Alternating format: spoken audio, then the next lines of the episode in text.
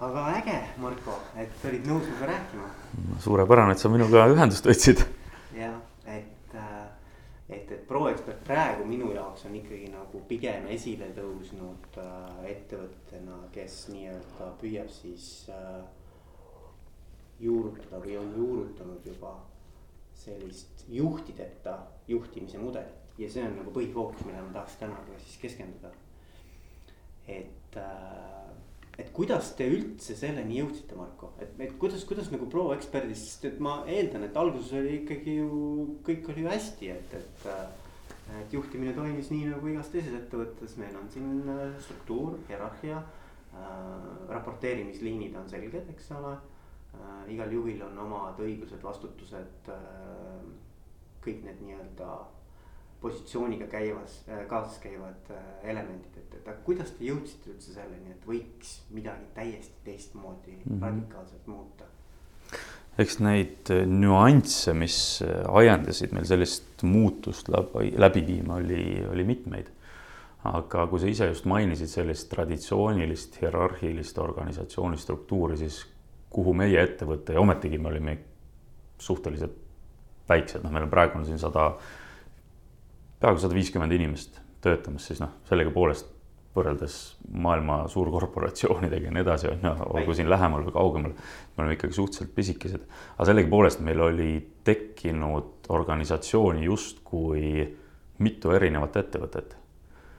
ja, ja kust see tuli, oli see, et igal organisatsiooni siis osakonnal oli oma juht, eestvedaja ja eks neil igalühel olid omad vaated, kuidas juhtimine peaks toimima, omad huvid, oma, oma, omad soovid, omad tahtmised ja, ja seeläbi vaatamata sellele, et, et noh, nüüd on jälle küsimus, et kas rohkem või vähem pingutasime selle nimel, et see ettevõte oleks ikkagi üks, seal oleks üks sünergia ja nii edasi nii edasi, siis ikkagi olid justkui omad kuningriigid, kus kehtisid omad seadused, omad põhimõtted, informatsiooni liikumine oli selline valikuline nii äh, organisatsioonist üldiselt sinna osakonda kui ka osakondadest välja. ja, ja mis lõpuks nagu ajendas meid tõsiselt ümber mõtlema, kuidas me toimime ja kuidas edasi liikuda, oli, tulenes sellelt, et meil, tulenes sellest, et meil üks orga, üks funktsioon, üks organisatsiooni äriüksus sattus väga kehva seisu. ja seda oleks saanud ära hoida läbi selle, kui ka sel, kui selle äriüksuse juht oleks võtnud ülejäänud äriüksustelt äh, kuulda nõuandeid ja, ja, ja, ja kuulata nagu seda, õppida kogemusest ja nendest läbikukkumistest, mis teised juba olid teinud. ja lõpuks, kuni see, see sattus väga kehva seisu äri, äriosakond. ja siis ühe kolleegiga istusime maha, ütlesime, et niimoodi edasi ei saa. võtsime endale päeva, istusime tahvli taha ja joonistasime oma selle hetke parima äranägemise põhjalt, milline võiks olla selle organisatsiooni toimimine ja struktuur. ja mis oli nagu hea äratundmine, oli see, et, et me sellisel raku tasemel samad nagu põhimõtted olid juba asutamisest saati kehtinud. ja, ja, ja noh, sealt see, sealt see kõik alguse sai mm. -hmm. aga nüüd, kui küsida, et noh, ma lähen kohe asja juurde, et meil siin pikalt ei ole mõtet heietada, et mis asi see on siis, mis, mis selle tuum on, selle uue nii-öelda juhtide juhtimise tuum? no see, see termin või, või see sõna kombinatsioon, et juhtideta ettevõte või me lasime kõik juhid lahti, noh, see oli meie enda väljamõeldis, inglise keeles tuleb ju bossless organization, mis on minu arust nagu parem väljend.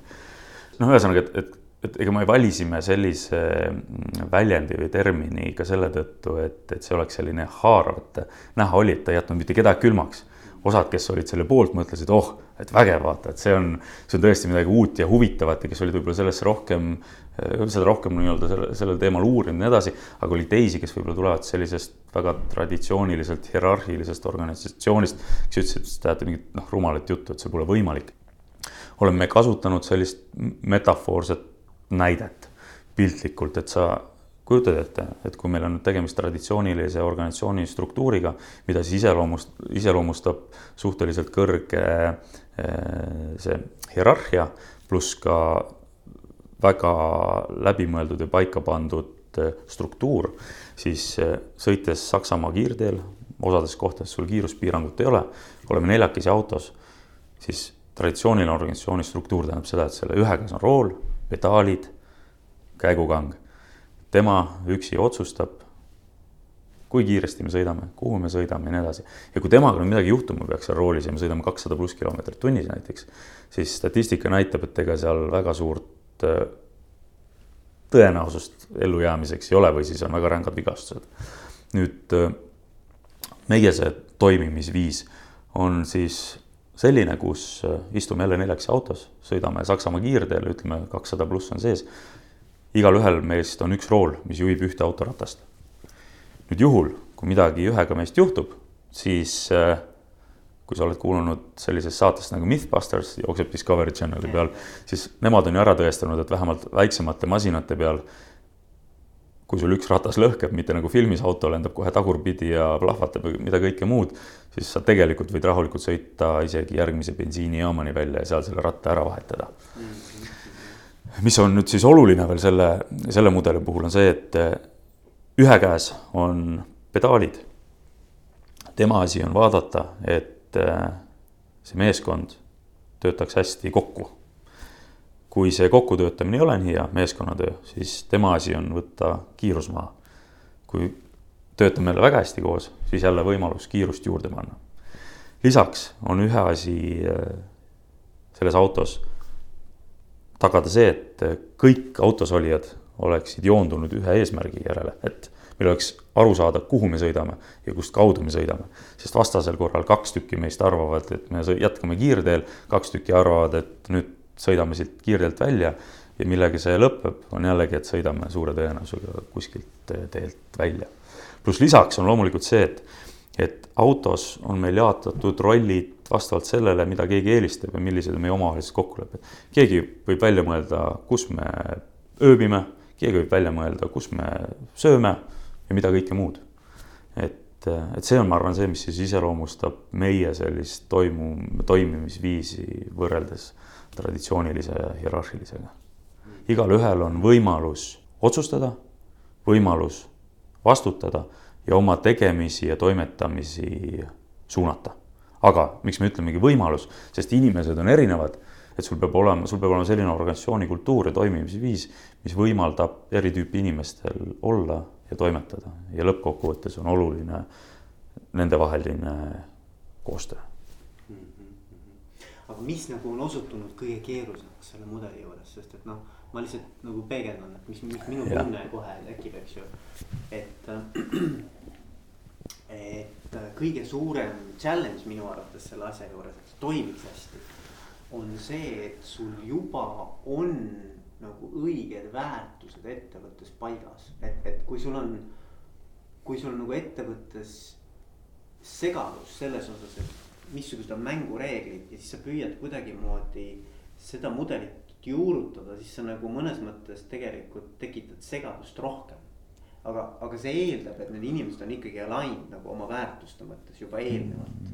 ma olen sinuga, ma arvan, täiesti nõus, ma ise olen ka seda meelt, et eh, ettevõtte väärtused, olgu nad kirjutatud või kirjutamata, peavad seda soodustama, esiteks, ja see, mis ma sulle ennem ütlesingi, et tegelikult juure tasandil olid ka meie väärtused paigas. Ja, ja tänu sellele me saime seda äh, seda ellu mm, hakata viima. Ja, ja teine oluline asi on loomulikult noh, mis kui, kui juured on need, mis hoiavad sinu organisatsiooni nii heades kui halbades aegades selles mõttes nagu maa küljes kinni ei lennuta sind kuhugile minema, pluss, pluss lisaks on ju, toidavad seda organisatsiooni, siis kogu, mis on oluline, on ka minu arust nagu see ettevõtte kultuur. Ja, ja kultuur ei ole jälle midagi, mis on sul paberile kirjutatud, vaid kultuur on see, mis peab olema, väljenduma juba tegudes ja noh, tulenema inimeste on ju mõtteviisist. et kui, kui sa hakkad juurutama sellist toimimisviisi ilma, et sul mõtteviis ja kultuur, mis siis hoiaks neid inimesi koos, kui sa lased minna paberile ja lepingutega üles ehitatud ähm, sellise struktuuri, siis, siis noh, see asi, ma arvan, lihtsalt lendaks laiali. aga kui sa küsisid, et, et mis on kõige raskem asi selle juures olnud, siis ega meil ei ole selle mõtteviisi juurutamine läinud sellise lepase reega ja, ja sujuvalt. loomulikult esimene asi on ju selles, et, et peame endale otsa vaatama, meil oli alguses valikus äh, kaks lähenemisviisi. esiteks, kas me proovime sellise süsteemi algusest lõpuni üksipulgi äh, läbi mõelda ja kirja saada, siis hakata seda, äh, seda inimesteni viima ja siis kõigile ühiselt juurutama või teine variant, mille meie valisime, oli see, et, et meil olid selle hetke parimad arusaamised olemas ja hakkame siis katsetama. me hakkasime võtma tükk tüki haaval, hakkasime võtma meeskond näiteks meeskonna haaval ja nii see mõtteviis levis, pluss lisaks kui meil on ettevõttes, noh, korraldame siin infotunde, infopäevi ja nii edasi, et sai siis sellest räägitud ja nii edasi.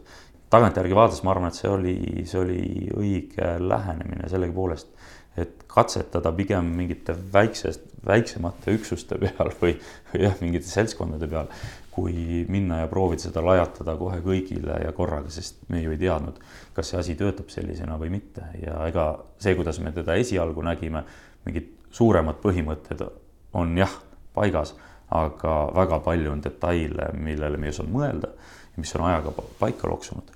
et see on üks asi ja teine pool siis, mis oli kõige keerulisem, oli ikkagi see, et inimeste mõtteviisi muutumine ja oma vanadest harjumistest nagu lahti saamine, et, et mul üks sõber rääkis kunagi väga hea loo seal inimeste harjumuste kohta, et, et, et inimesed tahavad käia ja ma ei räägi noh, üldiselt kõik on, aga noh, ütleme üldjoontes käivad ühte ja sama rada. Nad käivad nii kaua ühte ja sama rada, kujutame ette nüüd sellise pehme mullaga põllu peal, kuni sul see rada on läinud nii sügavaks, et ääred on kasvanud sul üle pea ja sa ei näe väljapoole ja kui keegi nüüd tuleb sulle ütlema, et seal väljaspool on ka midagi ja teistmoodi on ju, noh, siis no ei ole ju vaata, et sul on ju seinad ees, sa ei näe.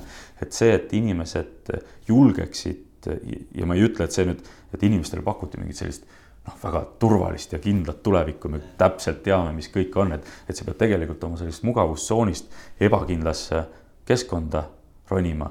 Ja kellel võttis see vähem aega, kellel rohkem, aga tänaseks hetkeks on, on noh, tõeliselt hea meel näha, et, et need inimesed, kes kes alguses ka ja põhjusega võib-olla ei uskunudki sellesse, siis on, on ise selle, selle juba evangelistid ja räägivad ise oma sõpradele ja tuttavatele, et kui, kuidas see on olnud kasulik nii meile, meie organisatsioonile, töötajatele kui ka teistpidi klientidele. mis on kõige keerulisem olnud, on minu arust vanad, noh, kes oli nii-öelda vanas mõistes see juhtkond.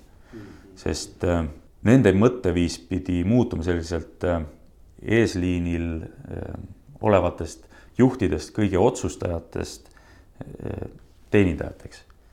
ehk et me nimetame isegi neid, majasiselt nimetame nüüd neid meeskondi või, või neid funktsioone tugi ja toetavateks eh, teenusteks ja toetavateks meeskondadeks, et. et lihtne näide lihtsalt on see, et, et, et noh, meil on töötaja loomulikult number üks, aga me saame aru sellest, et kui, kui meil ei ole klienti, siis ega me ei saa siin igavesti heategevusega tegeleda, et selles mõttes klient on oluline ja klient, kliendi me paigutame seeläbi kõige keskmesse. ja ideaalne organisatsioon ju oleks siis lõppkokkuvõttes see, kui kliendile loovad väärtust nüüd mingisugused meeskonnad, meil selliseid üksikisikuid, üksiküritajaid suurelt ja osalt ei ole, tuleb küll ette, aga see on ikkagi selle eesmärgiga, et kasvatada üles siis mingid meeskonnad ja nende fookus on sellele suunatud, et nad saaksid selle kliendile sellel hetkel väärtust luua. ja meie mõtteviis nüüd on selline, et, et nendelt meeskondadelt tuleks ära võtta kõik üleliigne, mis ei ole otseselt seotud väärtuse loomisega, aga on oluline organisatsiooni toimimiseks. Ja nüüd see ongi see koht, kui me räägime järgmisest tasandist ja me ei räägi hierarhilisest tasandist, vaid selline, ütleme, väljapoole ühisel horisontaalsel tasapinnal öö, äh, olevast tasandist, et järgmine kiht on, ongi siis toetavad meeskonnad kes tegelikult nii, teenindavad neid väärtust loovaid meeskondi, kui nemad teenindavad klienti. et, et nend-, nende inimeste, ma arvan, mõtteviisi muutumine on olnud üks suuremaid väljakutseid, et ikkagi, kuidas mina nüüd siis selliselt juhtpositsioonilt ja kuidagi nagu tipust. Nüüd pean tulema kuhugile siia noh, ma ei tea, teenindavasse kuidagi rolli, aga see on kõik mõtteviisi muutmine. Mu,, noh, see on hoiaku ja, ja mõtteviisi asi, et ega keegi sellegipoolest ei ole halvem või kehvem inimene, et, et kui meil on olnud siin ajaloos ka mõned insenerid, kes on öelnud, noh, et, et no mina olen see kõige tähtsam ja, ja võta, et noh, sekretär või keegi, et mis, no mis sina nüüd oled. aga, aga kui sa võtad nüüd sedapidi, et sa, sa tuled tööle ja sul on kohvimasin katki ja sa ei saa seda nüüd mitmeid tunde, on ju, siis oled sa päris frustreeritud, su töö on häiritud ja nii edasi ja nii edasi, siis need inimesed on saanud aru ka sellest, et kellegi asi, kellegi roll on olnud tagada see, et sinul kui inseneril, siin on väga mõnus olla. Ja meie, ma arvan, et meie ettevõttes on väga mõnus olla, et sa ei, kui midagi natukese on sellistest tugiteenustest või kuskil nihu või ei ole kõige parem, noh, siis seda kohe märgatakse ja sellest kohe räägitakse. kui kuuldes mida räägivad tuttavad sõbrad teistes organisatsioonides toimuvast, siis noh, ma arvan, meil on, meil on päris hästi. aga räägi natukene, ma arvan, et see on nagu niisugune võtmekoht, et, et otsustajast teenindajaks mm, -hmm. et noh, natukene lahti mõtestada, võib-olla mõni praktiline näide, et noh. vaata, lihtsalt räägin jälle, kuidas, mis meil need keerulised kohad minevikus olid ja ma usun, mis, millega päris paljud juhid või ettevõtted on silmitsi seisnud, on see, et et kus äh, juht otsustab äh, teemades, kus tal tegelikult kompetentsi ja kogemust eriti ei ole. ehk kui võtta meie äh, vana hierarhiline organisatsiooni struktuur, siis võta ärivaldkonna juht või võta kasvõi, võta projekt ja projektijuht, tegi otsuseid inseneride eest selle heaks, et, et ma ei tea, projekti skoop mahuks eelarvesse ja tähtaega. kuigi sul kõrval ole-, või mitte siis kõrval, aga sul alluvuses olevad insenerid ütlevad, et see ei ole võimalik. ja kuhu need projektid sellisena liikusid, noh, läksid üle tähtaja, läksid üle eelarve. või siis parimal juhul okei okay,, kärbiti eelarvet või kärbiti skoopi, siis sai sul tähtaeg ja, ja, ja, ja eelarve paika jääda, et, et mis, mis me oma selles organisatsioonis muutnud oleme, on, on see, et kui vanas mõistes see juht eh, ja siis need spetsialistid eh, olid ülemus-alluv suhtes, siis nüüd on nad partnerlussuhtes. ehk kui me räägime kliendi suunal mõne projekti elluviimisest, siis see inimene, kes juht, kellel on suurelt osalt ka selline äriteadmine ja nii edasi, tal ei ole ülemat õigust öelda seda või sõita üle siis näiteks selle meeskonna ekspertide, spetsialistide arvamusest selles osas, mis puudutab nende tööd ja nad peavad jõudma kompromissile, mis on see kõige parem ja kõige õigem lähenemine antud hetkel, antud projektis, selle kliendiga koostöös, selle kliendi suunal näiteks. et, et kui, et see, et kui nüüd tulla siis selle juurde, et, et kuidas siis käib nagu otsustamine meie organisatsioonis see, et sa oled nüüd teenindavas rollis, näiteks kui me võtame vana juhtkonna liikme, ei tähenda seda, et sa mingisuguseid otsuseid ei tee. see lähenemine või see mõtteviisi muutus on tulnud nüüd sellest, et, et kui sa vanal ajal ütlesid, mida siis keegi peab tegema, siis tänasel hetkel on oluline see, et sa kaasaksid inimesi, sa mõistaks, mida on vaja, mida ei ole vaja ja vastavalt sellele sa pakud mingeid lahendusi ja mingeid võimalusi kui me võtame näiteks, äh, meil on tööõnnespetsialist tööl, siis äh, tema on oma ala tipp. selles mõttes, ega insener ei äh, ole ju ka õige inimene ütlema, et mis tööõnne valdkonnas see kõige õigem lähenemine on, tema vaatab oma mätta otsast, aga samas tööõnne spetsialist vaatab hoopis teise külje pealt meie organisatsioonis, mis oluliselt on viimaste aastatega arenenud, on just selle inimese isiksuse arengu väärtustamine ja noh, nimetame seda selleks nagu pehmeks pooleks.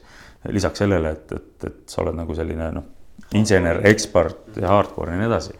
ja kui alguses oli ka sellel suunal päris palju sellist nagu vastus, ma ei ütle vastusseisu, aga ikka noh, et milleks meil seda vaja on ja, ja nii edasi ja nii edasi, siis noh, vaadates täna ma usun, et väga paljud on mõistnud ja hindavad seda, mida ka meie tööõnne spetsialist oma meeskonnaga on siia ettevõttesse toonud.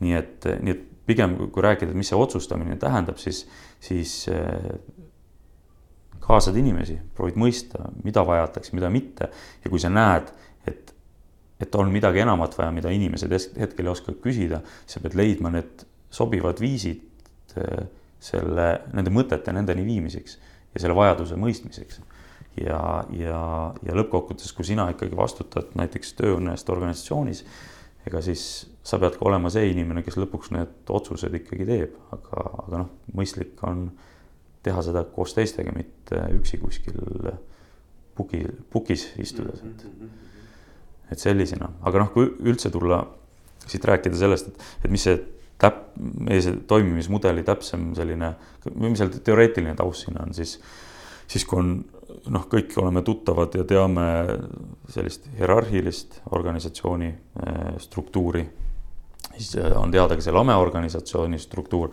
siis on lisaks olemas ka veel holakraatia, siis meie oleme pigem liikumas selle holakraatilise suunas ja rohkem sinna holakraatilise eh, toimimismudeli juurde. et mis siis nendel kolmel vahet on? Vahe on siis see, et kui, kui ennem sai ka mainitud traditsiooniline hierarhiline organisatsiooni struktuur, seal on kõrge hierarhia tase ja seal on kõrge struktuuri tase, ehk struktuur on väga hästi paika pandud.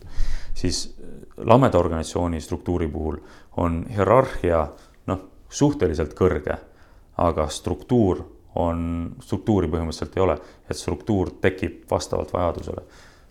ja holakraatilise puhul on nüüd hierarhiat ei ole, aga struktuur on väga hästi läbimõeldud ja paika pandud ja omavahel kokku lepitud. ehk sul on väga hästi, väga selge, millised on rollid, millised on mingid vastutusalad, mida iga vastutusala raames tuleb teha, mis on eesmärgid ja nii edasi. et, et see on siis, kuhu, kuhu meie oleme liikumas, et, et saada paika just see selgem Eh, struktuur hmm. just rollide osas ja nende vastutusalade osas ja need rollid ei ole inimesepõhised, sul üks inimene võib võtta ka mitut rolli täita selles organisatsioonis.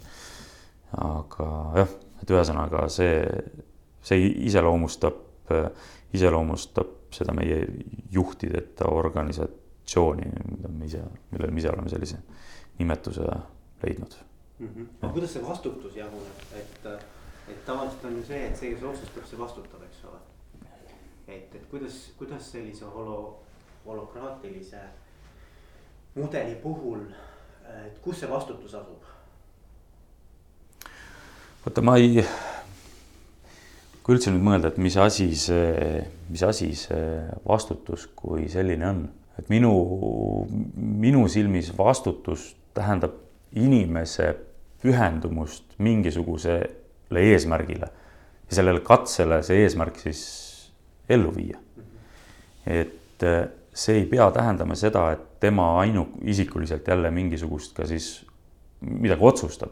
et minu jaoks taandub seal ikkagi sellele, et, et, et kui, kui mingi grupp inimesi töötab mingisuguse eesmärgi nimel, et see ellu viia või proovida ellu viia, siis mõistlik on, et ka see grupp üheskoos otsustab, mis on kõige õigem viis selleni jõudmiseks, mis tuleb kõrvale ette, mis kõik selle sinna kaasa käib. loomulikult tekib olukordi, kus äh, võib-olla see grupp inimesi ei jõua kompromissile. ja siis see on nüüd see koht, kus tuleb mängu selle, selle inimese, kes selle vastutuse nagu isiklikult võttis, kuigi ma arvan, et kõik võtavad ja kõik pühenduvad, kes, kes selle eesmärgi nimel töötavad, aga pigem keegi, kes, kes selle eesmärgi nimel liikumise nagu ellu kutsus või kes on kuidagi vaimne ema või vaimne isa, et noh, nimetame seda eestvedajaks, on ju, et et kui grupp ei suuda otsustada, siis on selle eestvedaja asi tagada see, et see otsus saab tehtud. ja kui nüüd mingil põhjusel no tuleb ette, et ei suuda ka see grupp ja see eestvedaja jõuda kompromissile, siis on olemas organisatsioonis ülejäänud inimesed, kes hea meelega tulevad, vaatavad kõrvaltseisva pilguga, milles asi, võivad anda oma mingeid mõtteid lisaks ja siis loodetavasti jõutakse otsusele. et, et noh, see on, see on võib-olla selline otsustuse ja, ja vastutuse mingisugune nägemus. aga kas Kuidas... otsustamine on kiiremaks läinud või aeglasemaks? Eh, tead, seda on nii ühte kui teistpidi, et eh, kuna inimesi otsustamisse on kaasatud oluliselt rohkem, siis mõned otsused on veninud väga pikaks. noh, see on nüüd suhteliselt, mis tähendab väga pikaks, ütleme pikemaks ja, et kui sa täpselt, et eh, kui, kui vanasti mõni juht tegi otsuse oma pead ja nüüd ütles teistele, kuidas asjad on, siis praeguse lähenemisviisi puhul sellist sellist otsustamist eriti ei tolereerita. Loomulikult on aru saada, kui mingisugune kriitiline situatsioon ja meil ei ole siin võimalik pikalt äh, arutleda asjade üle ja see inimene on selle valdkonna ekspert, noh, siis see on loomulik, et suurelt osalt inimesed nõustuvad sellega, mis ta välja pakub, aga öeldakse kohe kindlasti ka mingid erinevad arvamused, aga jõutakse kiirelt mingile ühisele arusaamale. aga mingis teistes teemades on, on, võetakse aega, arutletakse ja jõutakse kompromissile, mõnikord läheb see liiga pikaks. Aga sellegipoolest on, inimesed tunnevad, et nad on saanud oma sõna sekka öelda, nendega on arvestatud, nad on kaasatud ja, ja. ja selle võrra ilmselt on nad ka seotud rohkem selle lõppotsusega või noh, nad nagu back ivad selle nagu. ja pühenduvad rohkem tegelikult sellele ja, ja toetavad seda, nii et äh,, nii et jah. aga ma mõtlen, et, et jällegi me tuleme selle juurde, et on niisugune nagu ühtne nagu alignment oma väärtuste osas, et. et, et kui tuleb nüüd väljast inimene sellisesse gruppi. Et mis on olnud tavaliselt nagu nende uustulnukate kõige, nende jaoks kõige raskem nagu kohanemise juures, et mis, mis see, mis see nagu sinu hinnangul on olnud, et, et mis kõige suurem selline eh, takistus või, või, või, või mingi pudelikael mm? -hmm. sest noh, tavaliselt on vaata, et kui on, kui, kui ettevõttes on väga tugev sihukene ühtne kultuur, siis kõige paremini tulebki välja see kultuur sellest, kui tuleb mingisugune uus inimene sellesse ettevõttesse. Ja tal on raske mingi asjaga nagu äh, alguses kohaneda, et ta, ta, et see, see nagu tuleb kohe esimestel, ma arvan, päevadel, nädalatel väga hästi välja. ma arvan, et kõige keerulisem uuele inimesele, noh, ma ütlen jälle, et mu arvamus baseerub praegu inimeste tagasisidel, kes ja, on, kes on väljendanud oma mõtteid siis mulle on, on ikkagi selles, et ega alguses on raske aru saada, kuidas selline organisatsioon ikkagi täpselt nüüd toimib. kelle juurde, kuhu, mis asjus ma ikkagi täpselt minema pean, isegi vaatamata sellele, kui mingid asjad on, on kirjas. et äh, võtab aega saamaks aru, kuidas ikkagi see asi siin täpselt toimib. aga teil on eelarved? meil on eelarved. eks ole, eelarved meil on, me, me, meil on nägemus, visioon, kuhu organisatsioon läheb, meil on fookus, meil on eelarved, meil on plaanid ja nii edasi, et loomulikult kõik asjad on olemas. meil on rollid kirjeldatud, kes mille eest vastutab, kes mida teeb. Ja, ja, ja sul ei ole sellist ametlikku mm, juhtimisstruktuuri või, või sellist nagu paigas, et see kuidagi on elav selline asi. Ja, ja liigub, liigub läbi ühise võrgustiku ja arusaamade ja, ja, ja nii edasi kõigini ja, ja suunab seda liikumist, et. kuidas käib näiteks äh, värbamine ja ütleme, meeskonnast väljaarvamine, et mm, -hmm.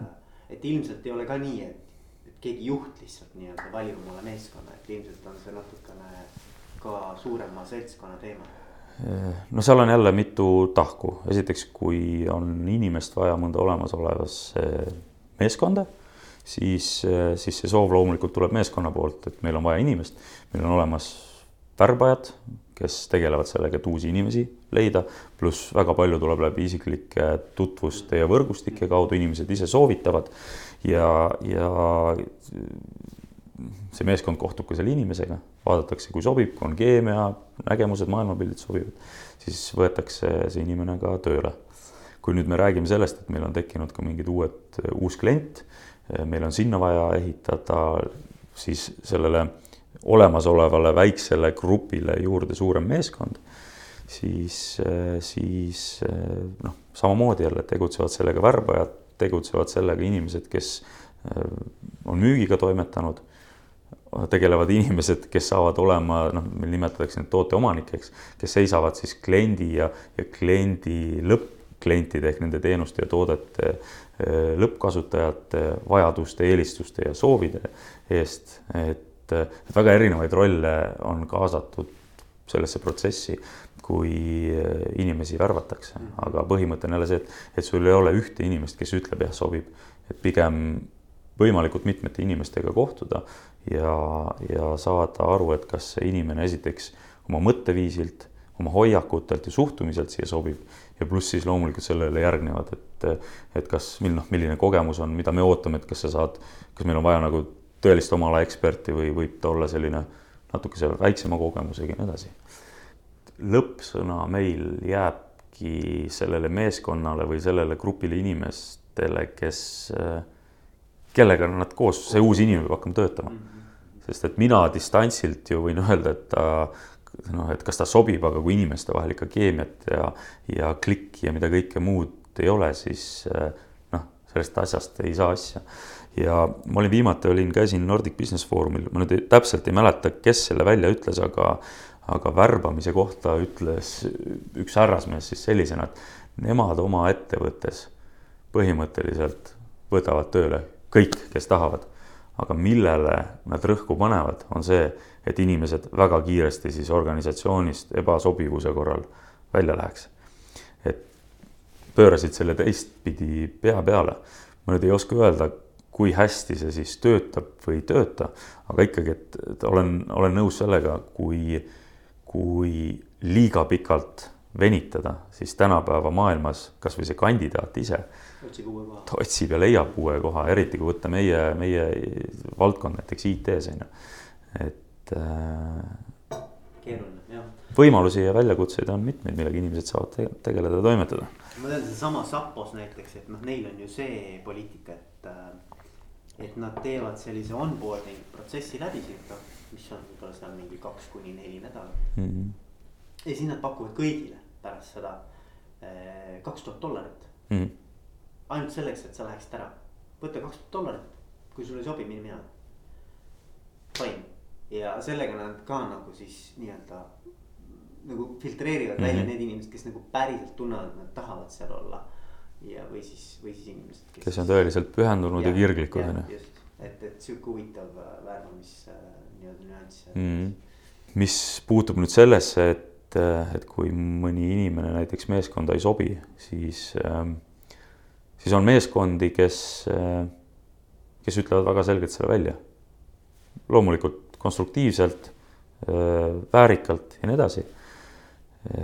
Aga on ka olukordi, kus äh, ma ei oska nüüd öelda, milles asi on, et kas ei julgeta või, või, või ei taheta ja nii edasi, et kui, kui, kui mõni inimene ei sobi meeskonda, siis, siis see asi läheb nii kaugele, et kogu meeskonna vaimne tervis hakkab halvaks kiskuma. ja siis on see koht, kus siin mul kolleeg on ka öelnud, et, et see on see, kus sul läheb siis nii-öelda välist juhtimist vaja või välissekkumist, et tuleb keegi aitab selle asja ära lahendada. Mm ja, ja ega see, et kui inimene sellesse meeskonda näiteks ei sobi, see ei tähenda, et organisatsiooni ei sobi, et väga mitmed inimesed leiavad endale uue, uue meeskonna, uue kliendi ja nii edasi. Ja kus nad on tõesti nagu säravad, aga on tõesti olukordi, et, et kus värbamisel ma ei saa öelda nüüd, et me oleme teinud vea sellel hetkel parima äranägemise järgi, tunnetuse põhjal see inimene sobis, aga selle jaoks on ka meil selline noh, räägime sealt katseajast, aga, aga see on nagu mõlemale osapoolele aeg vaatamaks, et see, mis jutus sai räägitud, kas see päriselt ka paika peab, on ju. ja on mõlemat pidi, on see, kus olen meie organisatsioonil näinud, et meil ei ole päris head klappi ja teistpidi on ka inimesed vaadanud, et kuule, et see pole päris see, millest ma aru sain ja ja, ja oluline meie, meil on ikkagi see, et, et ükstaspuha, mis põhjusel need lahkuminekud ka organisatsioonis ei ole, et me saaksime tänaval teineteisele otsa vaadata ja nii-öelda sirgi seljaga, kas siit teineteisest siis mööda kõndida, on ju, et Eesti ja maailm on nii väike, et. mis siis nagu sinu kui selle ettevõtte juhi roll on, kuidas sa nagu oma rolli nagu, mille eest sina nagu palka saad? tead, läbi aja see rolli sisu muutub sõltuvalt sellele, mis toimub organisatsioonis, mis toimub väljaspool ja nii edasi aga kui võtta see ühe lausega kokku, siis minu asi on hoida suurt pilti, seada sihti, tagada joonduvus sihile, vaadata, et me oleksime kursil, olla liimiks nii ettevõtte sees kui ka välismaailma vahel ja olla olemas inimeste jaoks ja inimeste keskel.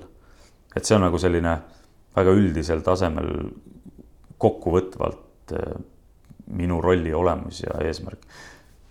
viimasel ajal praegu, mis me võtame siin aasta-kaks, olen ma oluliselt suuremat rõhku pannud äriarendusele.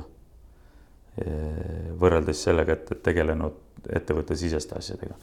lihtsalt, kust see tuleneb, on see, et me näeme, et meil on vaja oluliselt kiiremini areneda äriarenduse valdkonnas, on see turundamine, on see müük, pluss ka olemasolevate klientide suunal äri laiendamine ja, ja arendamine ja, ja ma olen, ma pean ennast vähemalt ise juhiks, kes, kes on kättpidi asja sees, et ma, ma ei suuda distantsilt head nõu anda, kui mult seda küsitakse, et ma, ma pean ise olema asjaga kursis, ma pean olema ise eh, selles vallas. ma nüüd ei ütle tippkogemusega, aga ikkagi ma ei saa rääkida asjadest, kui ma ei ole ise seda järgi proovinud ja katsetanud. Et sellepärast on ka, miks ma käin, käin samamoodi klientidele müüki tegemas, miks ma räägin kaasa, kuidas peaks olema meie müügimaterjalid ja, ja veebisait üles ehitatud, miks ma käin olemasolevate klientidega kohtumas, et see on kõik selleks, et olla ise, olla ise põllul ja avaldada arvamust ikkagi oma kogemuse pealt, mitte eelduste ja oletuste aga kuidas see on nagu ma arvan, et üks, üks huvitav valdkond ongi see, et nagu sihtide ja eesmärkide seadmine, et kuidas proekspertis käib eesmärgistamine? kõige lihtsamalt öeldes, me oleme katsetanud erinevaid lähenemisi ja eeskätt võttes nüüd meie toimimisviisi aluseks. mis ei ole kõige paremini toiminud ja kus sa ennem küsisid, et noh, et kui kiiresti, et kas otsustamine on veninud. Mis ei ole siis väga hästi toiminud, on see, et, et tuleme nüüd kokku igaüks nüüd siis räägib eh, mingist tee, teemavaldkonnast, kus me saame aru, et kas siis meil midagi pitsitab, midagi on, ei toimi päris hästi või me oleme unistanud tuleviku suunal. et igaüks nüüd avaldage arvamust ja selle põhjal siis me proovime kokku saada mingisugust plaani või nägemust tulevikust ja siis eh, saada kokku detailsemad mingisugused nüansid sinna plaani ja hakata liikuma. et see on veninud väga pikaks, igaüks räägib, avaldab arvamust, avaldavad arvamust isegi need, kellel jällegi selle valla nagu kogemust ei ole aga justkui noh, tahavad kaasa rääkima, rääkida. mis viimasel ajal paistab, on, on see, kus siis mingi valdkonna nüüd eestvedaja äh, paneb kokku oma nägemuse ja see ei pea olema nüüd jälle, et ta üksi paneb, tal võib olla mingi väiksem grupp on inimesi, see on tema asi vaadata, kus ta, kus ta lisaks seda sisendit oma mõtetele saab, paneb kokku mingisuguse nägemuse, siis kaasab nüüd laiema grupi, räägib neile selle lahti, põhimõtteliselt proovib inimesi kaasata selle eesmärgi elluviimisesse. sealt tuleb konstruktiivne, suurelt osalt konstruktiivne tagasiside, mida ei tasu teha, mida tasub teha. tulevad mõnikord täiesti kardinaalsed uutmoodi lähenemised, uutmoodi mõtted ja selle sisendi pealt täiendatakse seda nägemust. Ja põhimõtteliselt siis see grupp, kes vastutab ja kes on pühendunud selle eesmärgi elluviimisele, otsustab nüüd, et vot see oleks see, kuidas edasi minna tutvustatakse jälle laiemale ringile, kaasatakse inimesi, inspireeritakse ja liigutakse eesmärgi suunas. ja nüüd, mis on veel, mida me ise oma organisatsioonis proovime üha enam ja enam juurutada, et, et näiteks sellist agiilsetest arendusmetoodikatest on ju, oled kuulnud, mis on tarkvaraarenduses väga kasutatavad, siis mida meie siin ettevõttes nüüd proovime juurutada ja me vähemalt ei ole kuulnud, et mõni ettevõte oleks seda praktikas teinud, aga neid samuseid tarkvaraarenduse agiilseid arendusmetoodikaid kasutada ettevõtte strateegia ja üldjuhtimises, strateegia elluviimises ja, ja üldises ettevõtte juhtimises. ehk see lihtne põhimõte on see, et, et ega sul ei ole tänapäeval, vähemalt meie valdkonnas mõtet teha siin mingi viieaastast on ju pikka plaani, see detailselt äh, kivisse taguda ja öelda, et, et mis iganes nüüd selle suunas liigume. et pigem jaa, sul on see visioon on paigas, sul on arusaam, sul on need põhi mingisugused äh, vaheetapid välja mõeldud, kuidas sa jõuaks selle suure visioonini. aga mis on oluline, on see, et sa neid hüpoteese, mis sa nende plaanidega oled ju endale nii-öelda püstitanud, testid testiksid võimalikult lühike, kiiresti ja selliste lühikeste tsüklitega, et sa saad tagasisidet, kas see hüpotees või osa sellest hüpoteesist üldse peab paika. ahah, peab paika, teeme selle ära, nii, väike väärtus on loodud, oleme sammukese edasi, nüüd vaatame jälle otsa. kas see eesmärk, mis meil oli võetud, see ikka peab paika, no tundub, et peab paika, vaheetapid, no vot, siin on midagi muutunud. võtad järgmise selle hüpoteesi osa või selle vaheetapi, tõestad ära, et see on nii ja siis pidevalt liigud selle eesmärgi poole, aga see teekond nähtavasti kujuneb hoopis teistsugune mida me näeme ju reaalses elus ka, isegi kui sa oled selle pika plaani püstitanud, sa võib-olla jõuad kuhugi sinna, aga see teekond, kuidas sa sinna jõudsid, see on hoopis midagi muud, eh, mida sa planeerisid. ehk et siis sellise paindliku, läbipaistva ja, ja selliste väikeste kiirete tsüklite ka elluviimistsüklitega sa, sa oled teadlik nendest kõrvalekalletest, oma esialgsetest mõtetest ja plaanidest, mis, mis tegelikkuses ka aset leiavad ja seda siis üle organisatsiooni, mitte ainult tead üksikute inimeste peas. kas muidu eesmärgistamine läheb välja kuni üksik nii-öelda töötajani või on see pigem tiimi tasemele? kuule, siin ei ole ka ühte vastust, sõltub täiesti teemast, sõltub täiesti teemast, et kui, kui me ütlesime, et mis see meie toimimisviisi iseäras on see, et kõigil on võimalus kaasa lüüa.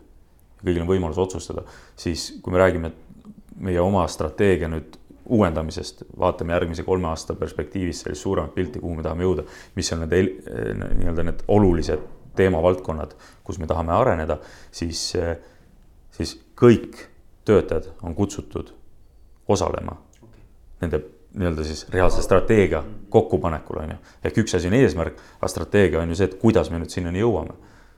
et kes tahab, tuleb ja osaleb ja sealt nüüd ongi see, et, et kas töötajal tekib ka mingisugune isiklik seos ja hilisem panus selle strateegia näiteks elluviimisel, sõltub sellest, et kas ta tõesti leidis seal endaga noh, kuidagi sellist klikki, on ju et ja mis tõesti, et ta tunneb, et, et see hingeliselt ja tema enda nii-öelda eesmärkide, unistuste ja visiooniga läheb kokku. ja kas ta siis oma põhirolli kõrvalt, esiteks, kas tal on võimalus panustada, kas ta tahab ja kas ta saab ja mis need kõik muud asjad on. et noh seda ei saa üldistada, et jah, et kõigil on nüüd selge seos olemas. aga on inimesi, kellel on näha, et nad tahavad panustada, kaasa rääkida ja kujundada selle ettevõtte käekäiku, mitte ainult oma, oma meeskonna, selle kliendi käekäiku, jah. kas, kas nüüd, kas, kas töötaja omab siis nii-öelda kokkuleppeid erinevate tiimidega, kes on siis eesmärkide taga, eks ju, et, et. et ma võin olla äh, mitmes eri tiimis ja, ja selle tiimiga on mul nagu niisugused nii-öelda kokkulepped, mis minu panus seal on. ja pärast siis see töötaja tulemuslikkuse hindamine toimub siis iga selle konkreetse kokkuleppe raames eraldi, on nii või? jällegi nii ja naa. kui me võt-, mõtleme nendele väärtust loovate meeskondade peale, kes töötavad eh, klientide heaks ja klientidega koos, siis äh, ega see väga hästi ei toimi, kui sul üks inimene on erinevates meeskondades äh, panustamas, et äh, seal on ikka pigem eelistatud, et meeskond, kes, äh, kes töötab mingi eesmärgi nimel, toimib, toimib ja toimetab koos ikkagi igapäevaselt. kui nüüd võtta sellisena, et, et kas need inimesed, keda huvitab näiteks ettevõtte areng siis nad oma sellest põhirollist, mis nad nii-öelda kliendi hüvanguks ka teevad, löövad kaasa näiteks siin ühes, teises või kolmas initsiatiivis, mis ettevõttes käimas on, siis ma arvan, et see on okei okay. nii, niikaua kuni meeskonna arvates, kust see, kuhu see inimene ka põhiajaga panustab, ei tunneta, et see hakkab segama nende igapäeva toimetamist nii et, nii et see taandub lõppkokkuvõttes ka selle, selle meeskonna ja selle inimese või nende inimeste, kes tahavad ka muudes asjades kaasa lüüa, panustada omavahelistele kokkulepetele. aga hindab iga üksik tiimiliikme panust kogu tiim või? no ettevõttes äh, hindamine, kasutame kolmsada kuuskümmend meetodit okay. ja pluss on meil arenguvestlused. ja see on see ja see on, ütleme niimoodi, see on, see on vabatahtlik, kes tahab selles osaleda kes tunneb, et tal on praegu vajadus, need panustavad need hindavad, need viivad läbi arenguvestluseid ja osalevad seal. ja kui mõned, kes tunnevad, et hetkel noh, võib-olla ütleme siis, et kruus on täis, et ei suudagi võib-olla näiteks mingit uut tagasisidet vastu võtta ja tegeleda ja toimetada oma eelmises perioodis saadud sisendiga, eriti kui noh, kui sa kaks korda aastas teed. kui sul on kiired kliendiajad, noh, palju sa oled jõudnud tegeleda iseendaga? ideaalis kõik me soovime, on ju, aga päriselus, et kas see päris sellisena toimib, aga, aga kolmsada kuuskümmend tagasisidest on, on, sain ka ise, küsin äh, tagasisidet ja sain ka head tagasisidet. ja selles mõttes head, et mis on arendav ja mis on edasiviiv, on ju. et, et samamoodi saavad inimesed määrata selles kolmsada kuuskümmend tagasisides, kes on tema need igapäevased kolleegid, kellega ta koos töötab, pluss sa saad üle ettevõtte valida veel inimesi, kellelt sa sooviksid tagasisidet saada või kellele sa soovid tagasisidet, sidet anda. ja selle pealt meil ka tööõnnes spetsialist näiteks aitab, kes soovivad, aitab läbi viia meeskonnapõhiseid vestluseid, kus siis need tagasiside tuuakse ka täiesti avalikuks teiste ette, arutatakse need läbi ja silmast silma saamegi need asjad on ju läbi rääkida sest et noh, ma isegi vaadates seda, et, et mis tagasisidet saad, et, et kui sulle ikkagi kirjutatakse, noh, ma väga hindan seda üldse, kui inimene midagi kirjutab lisaks sellele, et sa ainult mingeid punkte annad, siis noh, et, et kui öeldakse, et, et see, mida ma endas peaks parendama, on ju, sul on noh, et, et ma ei tea, eestvedamist, noh, siis mul ei ole sellega mitte midagi teha, see, et paranda eestvedamist, see tähendab sellele inimesele võib tähendada hoopis midagi väga spetsiifilist, siis oleks väga hea teada saada või noh, võimalust selle inimesega ja sul on valida seal, et kas see on anonüümne tagasiside või mitte, ma ei tea, kas seda andiski. Tahaks rohkem, räägi mulle, et tahaks kuulda, too näiteid, mis, mis sinule, mis sa, mis sa täpselt mõtlesid, siis saan ju mina ka ise otsustada, et kas see, mis, kuidas sina seda asja näed, noh, kas ma olen sellega nõus, kas ma arvan, et tõesti, see on see arengukoht või selgitada inimesele, noh, et see oli sellest tulenevalt või asi on nii ja nii edasi, et et niimoodi, niimoodi see asi käib, aga, aga see lisaks sellele on ju inimestega, kellega sa pidevalt koos töötad, vähemalt kui sa oled hea, hea meeskond, siis sa räägid ju igapäevaselt. kui midagi on, mis läheb nihu, sa ütled seda kohe, mitte sa ei oota seda arenguvestlust, on ju. arusaadav, aga arenguvestlus tavaliselt tähendab seda, et ikkagi on mingi tiimliit, kes teeb siis oma nii-öelda nii meeskonnaliikmetega, kuidas, kuidas, kes see siin siis arenguvestlust peab? inimesed saavad valida kellega nad tahaksid oma arenguvestluse organisatsioonis läbi viia. ongi nii jah? aga see peab olema ikkagi inimene, kes talle suudab ka noh, kes temaga koos töötab, sest et muidu sellel asjal ei ole pointi. kui, kui, kui tuleb mõni eh, nii-öelda äh, arendustiimi inimene, ütleb, ma tahan Marko Sverdlikuga teha arenguvestlust, sa ei tea seda inimest. vaata äh,, kuhu mina oma arusaamades üldse isikliku arengu mõistes olen jõudnud, on see, et inimese isiklik areng on tema enda asi et me oleme siin organisatsioonis proovinud teha kõik selleks, et, et inimene areneks, aga kui tal endal ei ole seda soovi ja tahtmist, siis see ei ole mitte kuhugile viinud. ehk, ehk kui nüüd see inimene, kes tõeliselt tahab isik, isikuna või isiklikult ka siis areneda, siis äh, siis millist meie organisatsioonina saame talle pakkuda seda keskkonda ja seda tuge ja võimaldada siis noh, mis iganes ta tahab mingi erialaselt kuskil arendada mingit koolitust ja nii edasi. me saame talle seda võimaldada, aga ta peab ise tahtma ja minna sinna. nii et kui keegi tahab minuga teha arenguvestlust, mul on selle üle väga hea meel. isegi kui ma seda inimest ei tunne, ma saan seda inimest palju lähemalt tundma. ma tahaks kõiki tunda lähedalt ja isiklikult, aga lihtsalt noh, sada viiskümmend inimest on juba nii palju, et puhtfüüsiliselt selleks ei ole aega.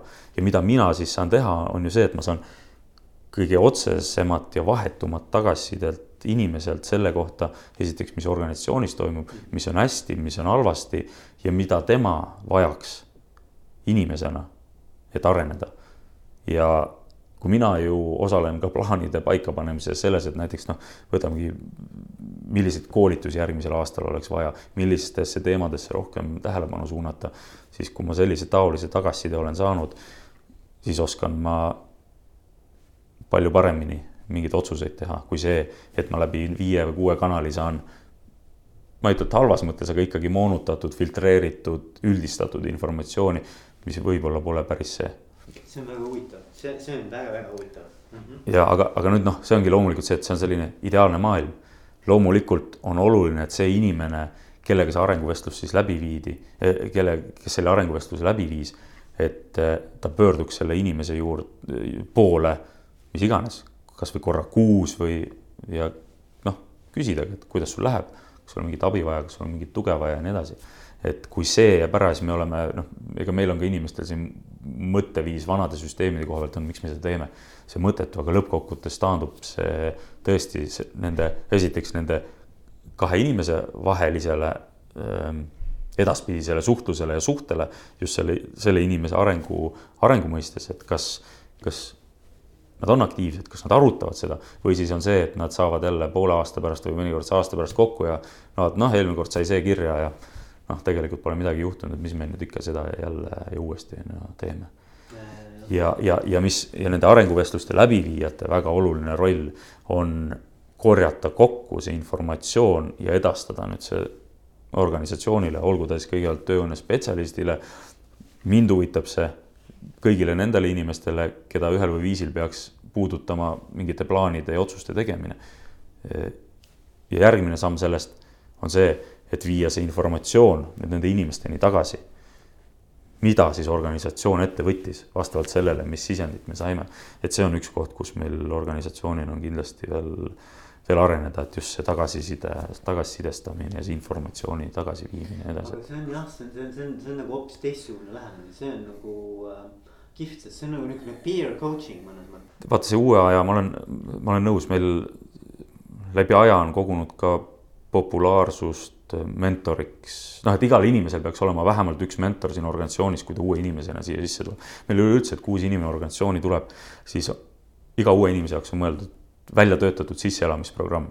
sisseelamisprogramm on suhteliselt intensiivne informatsiooni kogumise äh, protsess ja mit-, loomulikult sul on ka võimalik lugeda intranetist mingisuguseid tekstitukke ja nii edasi, aga eeskätt sa kohtud valitud grupi inimestega, mis on selles mõttes ütleme nagu kohustuslik, vaid sa ei pea välja mõtlema, kellega kohtud, sul on ette antud.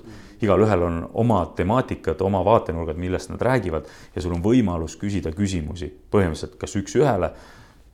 mina näiteks enam, mis ma olen näinud, et, et kasvõi esiteks aja kokkuhoiu mõttes, aga teistpidi vestlused on oluliselt sisukamad, kui sul on juba koos mingi grupp uusi inimesi. mõni on seal olnud võib-olla paar nädalat, mõni on olnud siin juba äkki paar kuud, noh, see on juba selline võib-olla äärmuslik jutt ja üheskoos, kui need uued inimesed saavad omavahel ka tuttavaks, mina räägin neile oma asju, aga eeskätt ma proovin sellest vaatest rääkida, mis neid huvitab. et ma alati, kui ma, mul ei ole mingi noh, loomulikult on mingisugune noh, valitud teemad, millest ma räägin, kuhu küsimusi ei tule, aga päris mitmel korral on väga huvitavaid äh, mõtteid või, või selliseid küsimusi, millest tahetakse kuulda. me ehitame oma jutu jooksvalt vastavalt sellele selle ümber ja, ja inimesed saavad vahetut sisendit organisatsiooni toimimise meie visiooni kohta, kuhu me liigume, mis on mingid toimimispõhimõtted ja nii edasi ja nii edasi. et päris intensiivne selline sisseelamine aga räägi, et, et mis äh, nagu sinu jaoks sihuke tulevik on, et mis, mis sa vaatad nagu edasi, et, et mis, mis juhtimises nagu kõige suuremad sellised arengud sinu jaoks võiksid tulevikus olla? kui sa küsid, et kui mõelda nagu üldse, et mis siis juhtimises äh, midagi sellist suurim väljakutse või kuhu me liikumas oleme, siis ma arvan, vähemalt oma organisatsiooni vaatest me hetkel ikkagi jätkame selle juhtideta organisatsiooni või ütleme siis holakraatilise toimimismudeli juurutamist, täiendamist, parendamist. Ja lisaks, kui räägime ettevõtte strateegia või pikaajaliste plaanide eh, elluviimisest, et need oleksid ettevõtte igapäeva osa, mitte mingisugune kõrvalseisev igapäeva toimetamisest seisev asi, mida nagu justkui peaks tegema, oleme öelnud, see on kõige olulisem, aga igapäevaasjad äh, võtavad oma, sõidavad üle, võtavad aja ära. Ja see on nagu, see on see, mis me näeme, et meil praegu ka toimub, et igapäeva asju tuleb nii palju sisse, aga ometigi ütleme, et mingid muud asjad on palju olulisemad, nii et, et sellise agiilse juhtimismetoodikaga nüüd proovime, proovime lahendada ära selle konflikti, et, et need, mis me räägime, et on ikkagi olulised meie arust ja kuhu me tahame organisatsioonina liikuda, need on ka meil igapäevaselt äh, fookuses, et aga kui nüüd rääkida, tuleme nüüd nagu ProExpressist natukene välja mm, -hmm. vaatame nagu Eesti sellist juhtimist laiemalt, et noh, et ma, ma arvan, et siin on väga keeruline mingit üldistust teha, aga ikkagi. et mis nagu sinu jaoks on selline Eesti selle juhtimise siuksed ütleme siis nagu tugevam osa ja mis on nagu üldine arengu. ütleme selline arengukoht, et, et äh, kui, kui võib üldse niimoodi noh välja tuua, et, et. Äh, kui Eesti riiki kui sellist noh, promotakse ja ma väga hindan seda, mida president Ilves tegi ja, ja, ja ka teised, teised inimesed, siis lisaks IT-riigile võiks Eesti ikkagi olla sellise kaasaegse eestvedamise ja juhtimise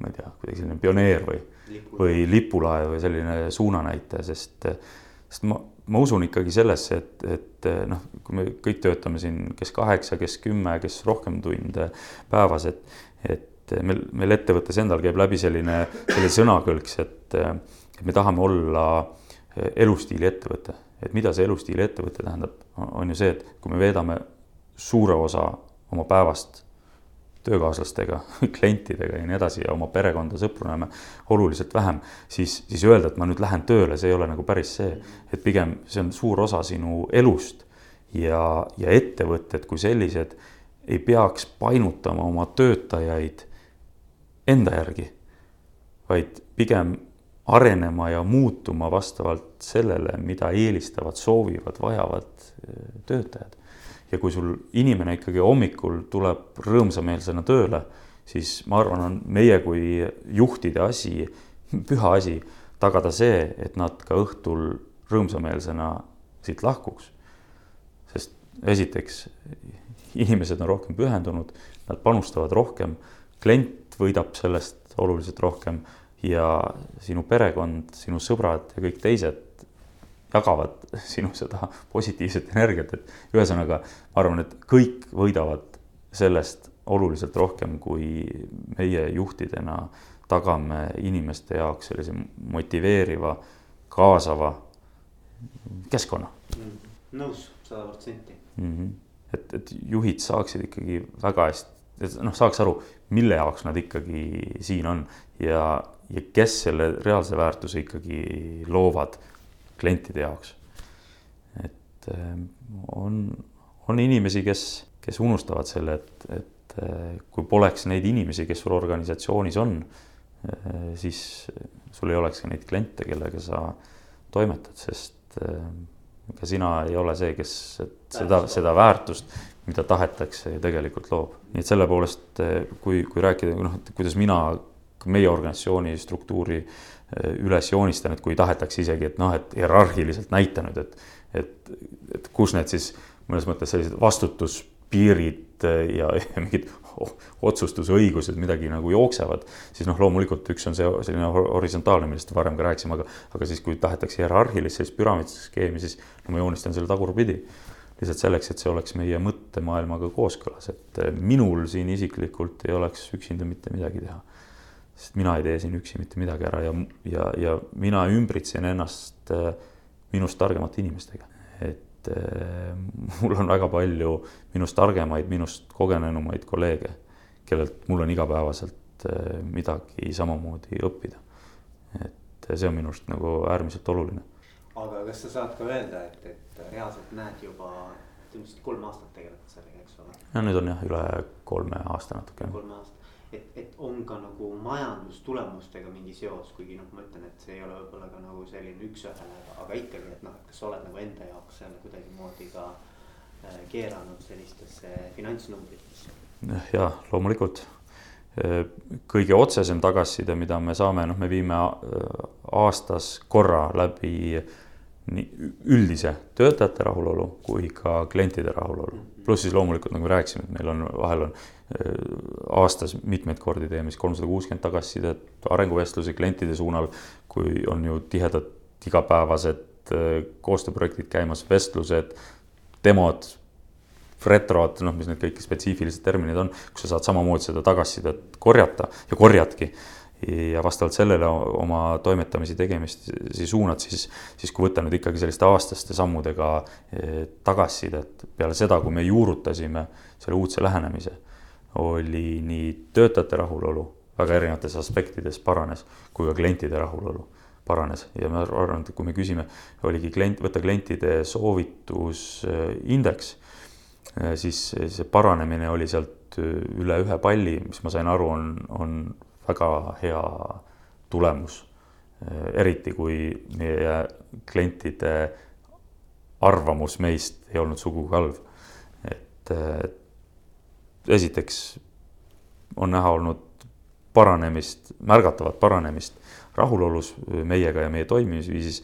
pluss loomulikult, kui vaadata, kuidas meie ettevõtte viimased aastad on arenenud, meil on ka raskemaid ja keerulisemaid aegu siin olnud, siis, siis oleme me igati rahul ka finantstulemustega ja väljavaadetega ka edaspidiseks, nii et, nii et siiani ma arvan, on vähesed, kes arvavad, et noh, et ei tea, kas sellest oli kasu või mitte, et pigem pigem süveneb see kindlustunne. pigem süveneb kindlustunne ja tahe seda edasi arendada ja viia seda ka klientideni ja jagada seda laiemalt ka teiste, teiste organisatsioonidega, nii meie valdkonnast kui ka väljaspoolt.